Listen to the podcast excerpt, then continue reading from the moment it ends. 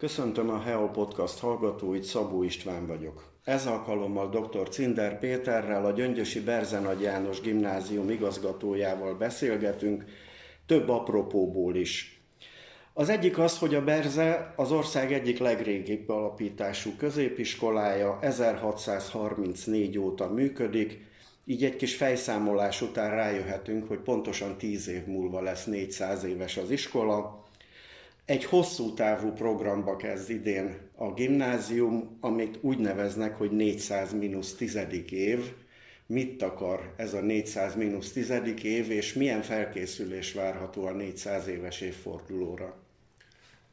Számolnunk kell az örökségünkkel mindenek előtt, mert ez a 400 év, ez bővelkedett eseményekben fordulatos volt, izgalmas, de ami talán mindennél fontosabb az az, hogy egy olyan iránytűt adott a kezünkbe, amit követve nem igen fogunk irányt téveszteni, utat téveszteni.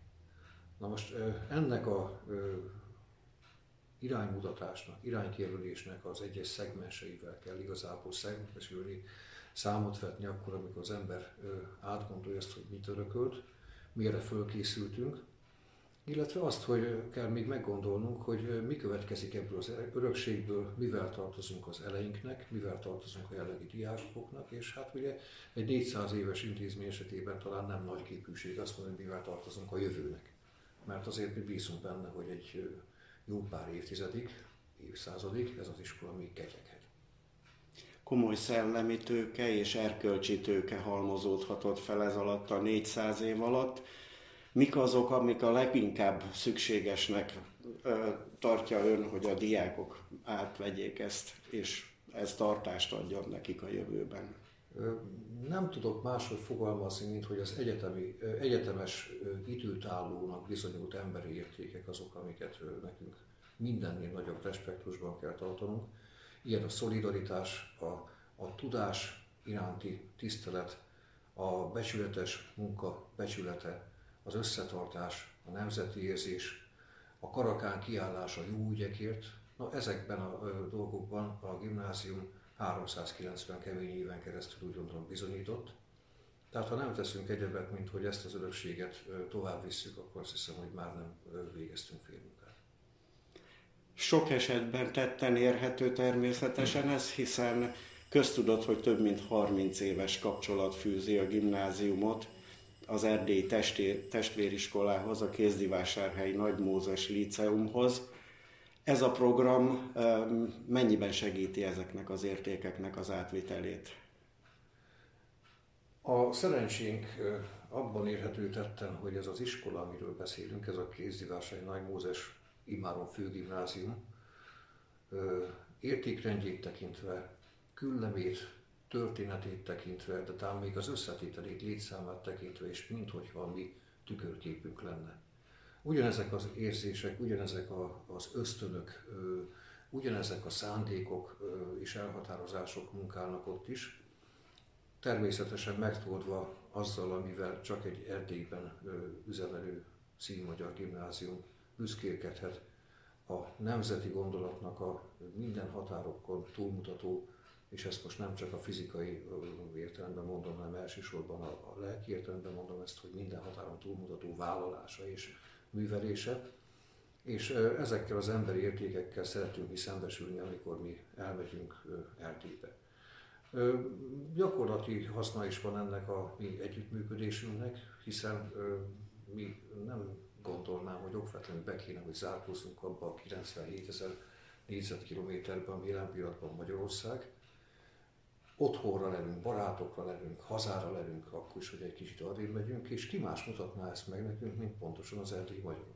Illetőleg a székelyek, a, a, a kézdivásár kör, környéki magyar emberek, akik évtizedeken keresztül kényszerű elszártságban töltötték a napjukat, és ezek bizony, ezek az évtizedek rányomták a, a közösségük állapotára és a bélyegüket, Szóval ezek az emberek is úgy gondolhatják, hogy kinyílik a számukra a világ, hogyha bemutatjuk, hogy az anyaország ebben a pillanatban is, akár 2024-ben is a keblükre öleli őket, legalábbis ez így van nálunk a Berzen János Gimnázium, hogy ellátogatnak hozzá. Tehát mindenkinek meghosszabbodik ilyen formán az élettere, a szó jó értelmében használva ezt a kifejezést, a perspektívák kinyílnak, és emellett pedig tengernyi élmény érheti úgy a székely, mint a gyöngyösi gyerekeket, hogyha ezek a kapcsolódások ezek létrejönnek és megszilárdulnak. Nagyon örülnék neki, igazgató úr, hogyha meg tudná cáfolni azt a közvélekedést, hogy a mostani fiatalokat, tizenéveseket hidegen hagyják ezek az érzések, visszajelzések nyilván jönnek ezekről a találkozásokról, kapcsolatokról. A mostani tizenévesek semmivel sem rosszabbak, mint az elejék voltak. A közeg megváltozott, a prioritások, a mintázatok, amik körülveszik őket, a napjuk nagyon-nagyon sok órájában egészen mások, mint amit mi annak idén átéltünk, és amit esik, esetleg ideálisabbnak gondolnánk. De a gyerekek fogékonyak 2024-ben is ezek iránt a dolgok iránt, egyszerűen csak annyi van, hogy meg kell valakinek ezeket a dolgokat mutatni. Én a mai napig a pályám talán legnagyobb ajándékának tekintem azt, hogy amikor elmegyek egy ünnepségre, amelyet a Berszalad János Gimnázium hogy március 15-e tiszteletére rendez párhol, akkor a, az ünnepség katartikus összeállítása és színrevittele mellett ünnepi látvány nyújt a közönség is. Ahogy figyelnek, egy emberként szurkolnak a fellépők sikerének, és utána őszintén osztoznak ebben 2024-ben, ahogy mondtam. Ezzel nincsen hiba. Ebben a közegben nyilván a tanulás is jobban megy, ennek kézzelfogható bizonyítékai vannak most már, hiszen az elmúlt években most már rendszeresen a száz legjobb középiskola, az ország száz legjobb középiskolája között van a Berze, és egyre fölfelé ívelő pályán. Mik ennek az összetevői? Hogyan alakul ki ez az eredmény? Nagyon sokféle rangsor mentén sorba raknak iskolákat. Ki ebben jó, ki abban jó, ez is egy lista sok közül. Nekem azért kedves azonban, és azért tekintjük egy kicsikét a rangsorok, mint Nobel-díjának ezt a titulust, hogy a száz legjobb egyike lehetünk, mert úgy teszett kemény mutatók alapján alakítják ki. Olyan kemény mutatók alapján, amelyek kifejezetten az oktató munkánk minőségére világítanak rá. Ilyesmik ezek, mint érettségi eredmények, felvételi eredmények, kompetenciamérés, pontosan ezeket az adatokat kérik számon a szívők rajtunk. Most ezekből a számokból gyúrják össze egy iskolának a teljesítményét, majd sorba rakják őket, és az, hogy az ország 1300 iskolájából mi a 60 valanyadik vagyunk jelen pillanatban, az azt hiszem, hogy egy olyan adat, amit nem kell magyarázgatni, nem kell aláhúzigálni és kommentekkel kiegészíteni, hogy ez miért jó, ez úgy jó, ahogy van. De hangsúlyozom, hogy ez egy rangsor a rengetegből, és még az is lehet, hogy egy kicsikét kelleténél többet beszélek én erről a dologról, mert nagyon büszkék vagyunk erre a dologra, de, de még az én szememben ez a legfontosabb erényünk, hogy mi ebben a dologban jók vagyunk. Amikor a, egy ilyen jó eredményről beszélünk, akkor nem mehetünk el amellett, hogy van egy egyre jobban körvonalazó probléma az oktatásban. Arra gondolok, hogy a jövőben a rohamosan fejlődő világban adott esetben, sőt már szinte bizonyíthatóan olyan szakmák fognak létrejönni, amelyek most még nem is léteznek. Hogyan lehet erre a diákokat fölkészíteni? Hát én picit visszább lépek és úgy kezdeném a választ. Tehát nagy kérdés, hogy, nagy kérdés, hogy egyáltalán egy gimnáziumnak, amely középiskola szó mindenféle értelmében, mi a célja. Hát megtévesztő ez a szót középiskola, mert azt gondolja az ember, hogy más dolgunk nincsen, mint hogy egy hidat alkossunk az alapfok meg a felsőfok között, és akkor szépen a hozzánk bekerülő diákok elkezdenek végsétálni, és a végén átlépnek a felsőoktatás szférájába. Ezt vállalnunk kell, műveljük is, az iménti adatok erre vonatkoztak, amiket itt a százas listával kapcsolatban mondtam, hogy ez szerintem működik. Van azonban két olyan ö, dolog, két olyan cél, ami mm, legalább ennyire fontos. Az egyik ilyen cél az az, hogy a diákok éljék meg ezt a négy évet, vagy nyolc évet, mert ugye nyolc osztályos képzés is folytatunk, olyan módon, hogy ez az életüknek alig, hanem a legszebb négy vagy nyolc éve. Ennek ilyennek kell lennie. Ez a dolgunk. A másik pedig, hogy jó érzésű, intelligens, kedves emberekké kell, hogy váljanak, akik képesek a közösség hasznára lenni. én azt, hogy a pillanatilag még nem létező szakmákat 10 év múlva, 20 év múlva valaki képes legyen művelni, mint volt Berzés, ez utóbbi munkánk gyümölcsének tudom tulajdonítani, tehát annak, hogy egy intelligens, nyitott emberré neveljük ezeket a gyerekeket, akik úgy őriznek meg klasszikus erényeket, a múltból, ha úgy tetszik, mint keménység, kitartás, az, hogy képesek legyünk összeszorított foggal ö, dolgozni, ha kell. Tudjunk örülni a, a sikerünknek, a másik sikerének, stb.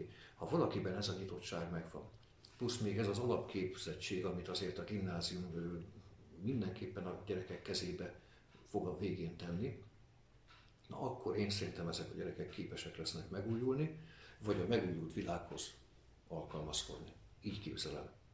Úgy gondolom nagyszerű kezdeményezés az is a gimnázium részéről, amely évente a Berze nap formájában valósul meg. Egyrészt egy pályaválasztási tükör, amelyben, ha jól tudom, volt berzések jönnek vissza az iskolába, másrészt pedig egy generációk közötti, volt berzés generációk közötti kapcsolattartás. Milyen mélyebb tartalom, vagy milyen folyamányai vannak ennek már, hiszen többször is meg volt már Berzenép nap. Hát először is szögezzük gyorsan le, hogy ez Gyurkó Péter igazgató helyettes úrnak a, a, a találmánya, és annak a kötelezettségünknek a kibontása voltak éppen, hogy minden iskola köteles egy úgynevezett pályaorientációs napot szervezni, amelynek az a célja, hogy bemutassa a diákok számára, hogy mi minden lehetséges a iskola elvégzése után. Na most ez, ami Népnap címen létrejött nálunk, erről szól, de nagyságrendekkel meghaladva az eredeti célokat, ugyanis volumenében is, jellegében is ez egy picike kis ünnepségé vált. És ahogy szerkesztő úr mondta az imént, valóban erről van szó. Több száz előadó tisztel meg minket a jelenlétével ezen a napon, rengeteg előadást tartanak, ezek ilyen picike kis mikro előadások, ilyen 20-25 perces előadások, DM-nekből a gyerekek 8-10-12-t is meghallgathatnak aznap. Alapvetően volt berzések jönnek, és most válaszolok a kérdésre. Aki volt berzésként visszatér, az falak között élheti át azt a jelmondatunkat, hogy aki valaha berzés volt, az berzés is marad. Illetve a jelenlegi berzések látják, hogy az iskola közösségünk kicsikét most messzebbre sodródott tagjai, mire vitték és mit tudnak tenni ebben az esetben például értük. Tehát ez egy igazi berzés összefogás.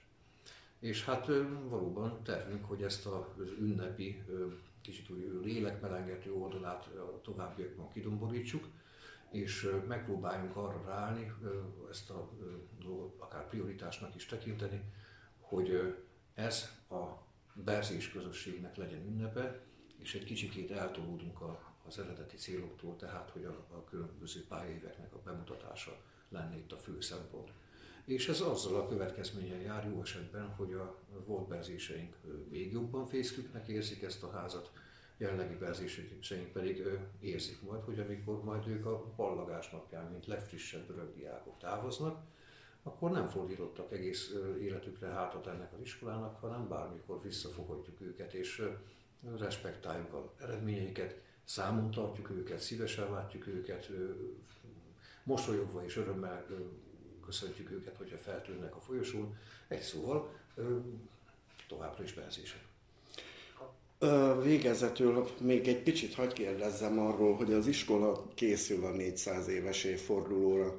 Ha már szóba kerültek az idősebb diákok, a, a volt berzések, ők miben tudják kivenni a részüket ebből a készülésből, hogy igazán méltó legyen a dolog, és hát persze addig még tíz év hátra van, de hát bízunk benne, hogy minnyáján itt tudunk lenni, hm. akik jelen pillanatban itt vagyunk. Hát igen, mert én is érdekes helyzetben vagyok, mert biztos, hogy tíz év múlva már magam is volt berzésként, de már nyugdíjasként fogom ezt a folyamatot élvezni, de ebben a pillanatban dolgoznom kell érte.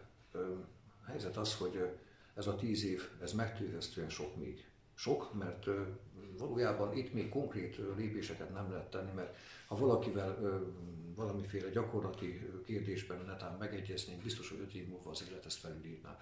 Ilyeneket nem is teszünk.